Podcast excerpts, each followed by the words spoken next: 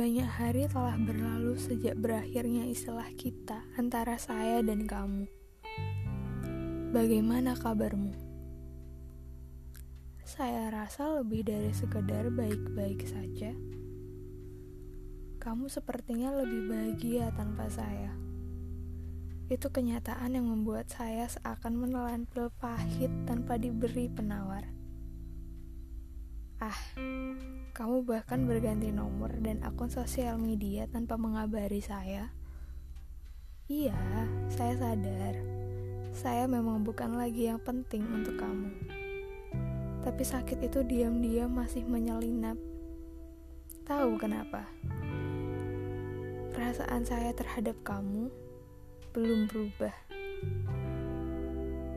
Jika bisa memilih, saya ingin seperti kamu yang bisa dengan mudah melupakan saya.